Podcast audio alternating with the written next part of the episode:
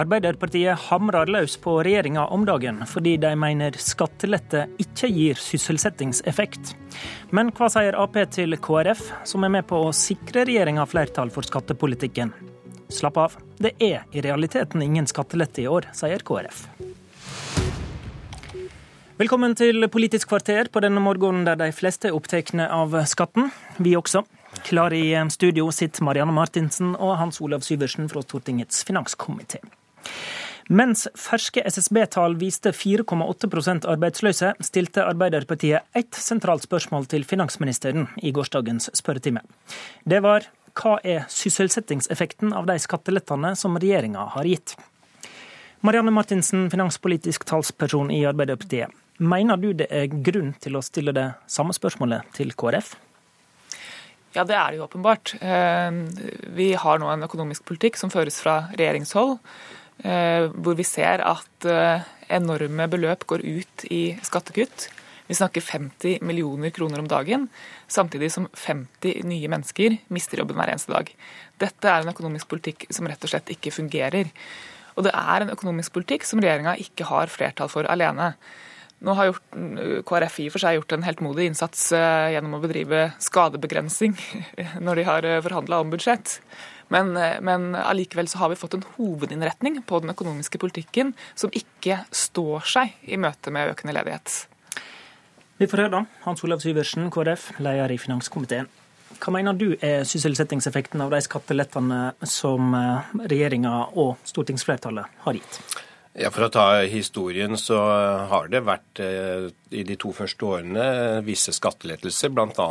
at arveavgiften er fjernet, og en liten reduksjon på formuesskatten, men også reduksjon for de som tjener minst med økt minstefradrag. Og det vet vi av erfaring gir sysselsettingseffekt. Så for inneværende år Det, det, det siste som gir sysselsettingseffekt, da, tenker du? Jeg, jeg har jo ikke akkurat uh, tallene fra Finansdepartementet, for jeg sitter ikke der.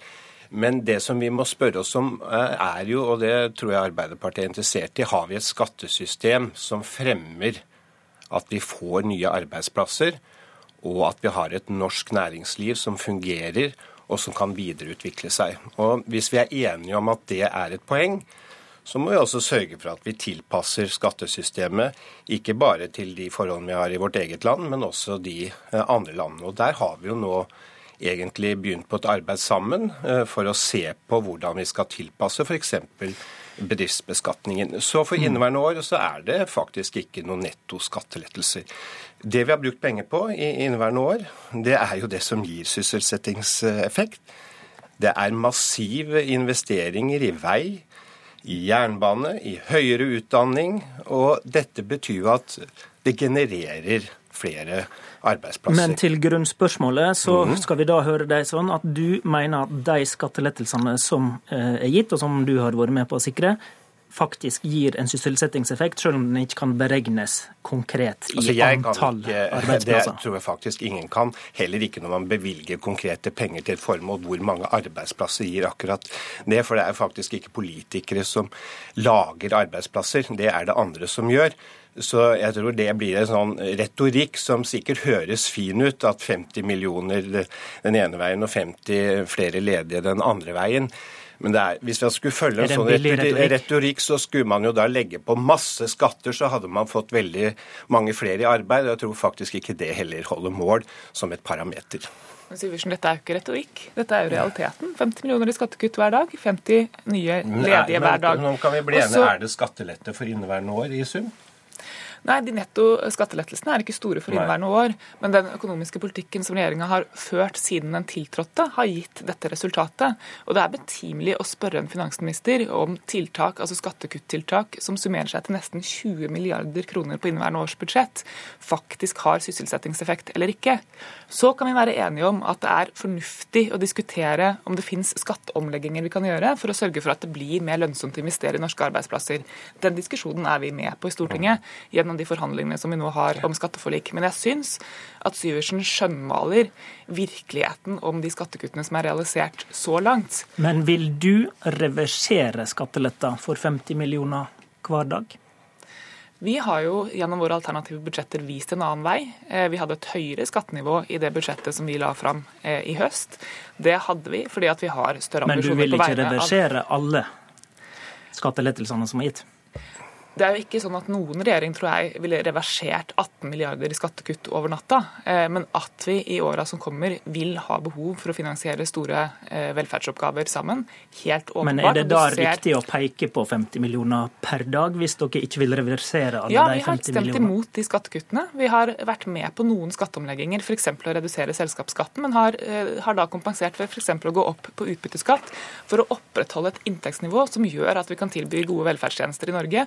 Og ikke minst unngå å tappe oljefondet. For det er jo problemet her.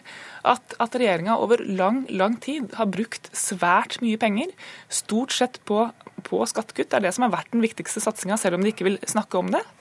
Og de har altså ikke fulgt opp det som en annen borgerlig regjering ville ha gjort, nemlig å kutte utgiftssida. Sånn at vi nå, nå er i en situasjon hvor oljefondet tappes i enormt tempo uten at du har sysselsettingseffekt av det. Man kunne ha brukt disse pengene bedre, mer direkte, skapt aktivitet og arbeidsplasser uten å måtte gå til fondet og hente penger der. Ja, det er jo ikke kanskje min oppgave å, å, være regjeringens uh, første forsvar, men, men er i budsjettforliket. Jo, men det er ikke riktig å si at det meste av pengene er brukt på skattelettelser. Det er det faktisk ikke. Det er brukt på investeringer i Norge gjennom økte veiinvesteringer i kollektivtrafikk, høyere utdanning. Vi har aldri brukt mer penger på dette. Det er jo å ruste Norge slik at vi har et arbeidsmarked og et næringsliv som fungerer i år fremover. Og det er vi med på. Det er faktisk slik at for første gang nå så får vi ikke et vedlikeholdsetterslep, eh, og det øker. Det reduseres både på vei og jernbane. Det skjedde ikke under de rød-grønne. Og hvis du spør næringslivet, så er det noe de absolutt prioriterer. Det er en infrastruktur som fungerer. Også, hva hva syns du om retorikken hennes, da?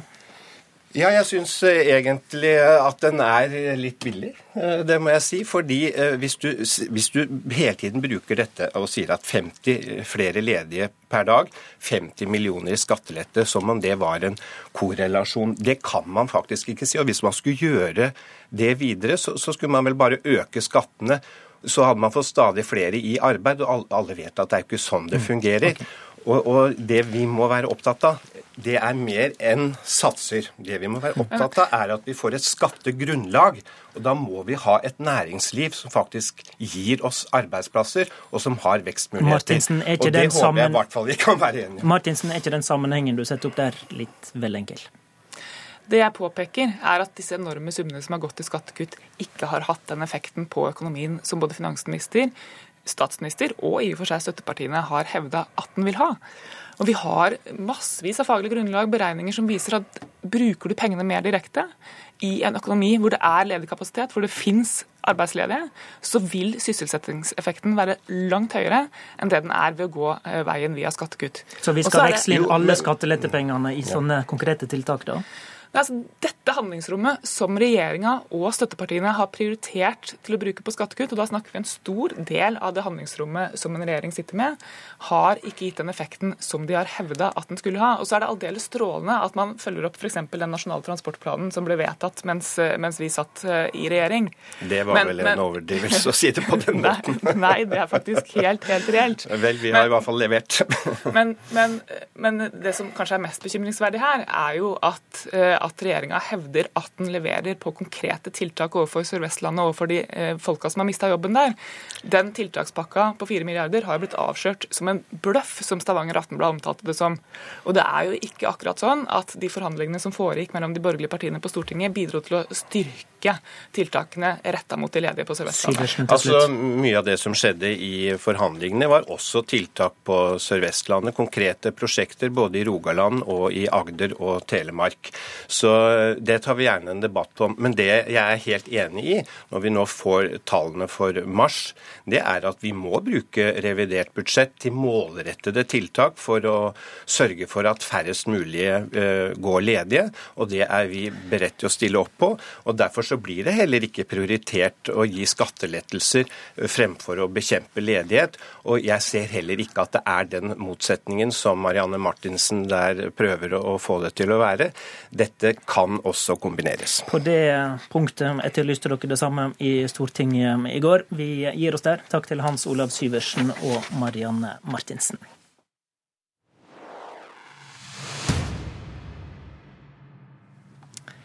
Inndøra kommer politisk kommentator her i NRK, Lars Nehru Sand. Vi er på den siste dagen i mars, Lars. Fokuset i den politiske debatten er på arbeidsløse, og vi skal se nå litt på hvordan dette temaet har prega de siste målingene. Først, hva er Arbeiderpartiets prosjekt når de kritiserer mangelen på sysselsettingseffekt av regjeringa sin politikk? Eh, Arbeiderpartiet prøver jo å nøre opp under en, en, kriseforståelse av situasjonen i norsk økonomi, og sysselsettingssituasjonen spesielt.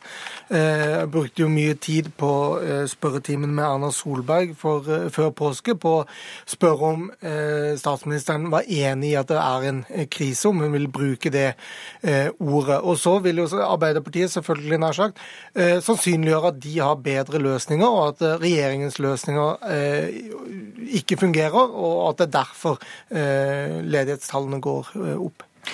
Men eh, ser vi på meningsmålingene, så ser det så langt ikke ut til at velgerne har kjøpt dette i stor grad. Hva, hva ser vi som er tendensen nå i mars? Nei, Det eh, merkbare er jo at Arbeiderpartiet ligger veldig på stedet hvil. De ligger 0,2 prosentpoeng under eh, oppslutningen sin i januar, hvis man ser på snittet av alle meningsmålingene som publiseres i norske eh, medier eh, i løpet av en måned. Og Det viser jo da at Arbeiderpartiet ikke går merkbart frem, selv om ledighetskrisen Eller selv om ledighetstallene øker, og, selv om Arbeiderpartiet har hatt hatt et klart budskap i den eh, saken. Og så har vi også sett av, NRK sin sakseierskapsundersøkelse at det ikke lenger er sånn eh, at Arbeiderpartiet har et merkbart eh, mer eierskap til denne eh, saken i, i velgernes øyne enn Høyre. Ja, og Hvorfor er det sånn, da? Hvorfor får ikke Arbeiderpartiet effekt av det som kunne vært, og kanskje historisk har vært glansnummeret? Det, eh, det, er jo for tidlig å si noe sikkert om, men eh, det man i hvert fall kan, kan tenke høyt rundt, er jo at en krise ofte gir eh, politikere, eller posisjonspolitikere, to muligheter. Det ene er muligheten til å vokse på at folk vet hva de har, men ikke hva de får, og at man, man føler at det vil være utrygt å, å, velge noe annet, og gir tillit til de som står i dette. Akkurat nå er jo det da Erna Solberg og Siv Jensen. Mens det ofte også er sånn selvfølgelig at kriser gjør at man vil ha et skifte, at man har mer tiltro til de andres løsninger, og at en, en langvarig Eh, kriseforståelse selvfølgelig gjør at, at, man som velger føler at løsningene til de som sitter, ikke, eh, ikke vil eh, føre frem, og at det er derfor det, det, en krise fortsetter. Det er jo, nå er vi da tydeligvis nærmere det første enn det andre. Det var jo også det første som på sett og vis var med på, eller i hvert fall en del av forklaringen, til at de rød-grønne ble gjenvalgt i 2009, at man ikke ville eksperimentere, for å bruke et sånt ord, med andre løsninger enn et rød-grønt rød-grønt prosjekt. Og, og, ja, og den, den, situasjonen ser kanskje da regjeringspartiene med støtteparti ut til å ha nå. Eh, er det i det hele tatt mulig å se noe eh, levedyktig regjeringsalternativ for Støre i de målingene vi har nå? Det er kanskje det mest spesielle med eh, Mars-gjennomsnittet, nemlig at eh, og Der er Rødt inne med et mandat på Stortinget. og Hvis man da samler alle partiene, hold deg fast nær sagt, med Rødt, SV, Arbeiderpartiet, eh, Senterpartiet, KrF og MDG, så får de seks partiene 84 mandat, altså ett unna det som kreves for å få flertall. Og Det vil jo da si at det aldri denne stortingsperioden har vært verre for Jonas Gahr Støre å finne et, et et annet flertall enn de fire partiene som nå samarbeider. Eh, og det er fjerde måned på rad at de fire har, eh, har flertall. Eh, og, Derfor er det krevende selvfølgelig for, for Støre, den sitsen som er nå. Og den regnbuealliansen du skisserte der, er vel ikke den mest sannsynlige heller. Takk til deg, Lars Nehru Sand. I studio i dag var Håvard Grønli.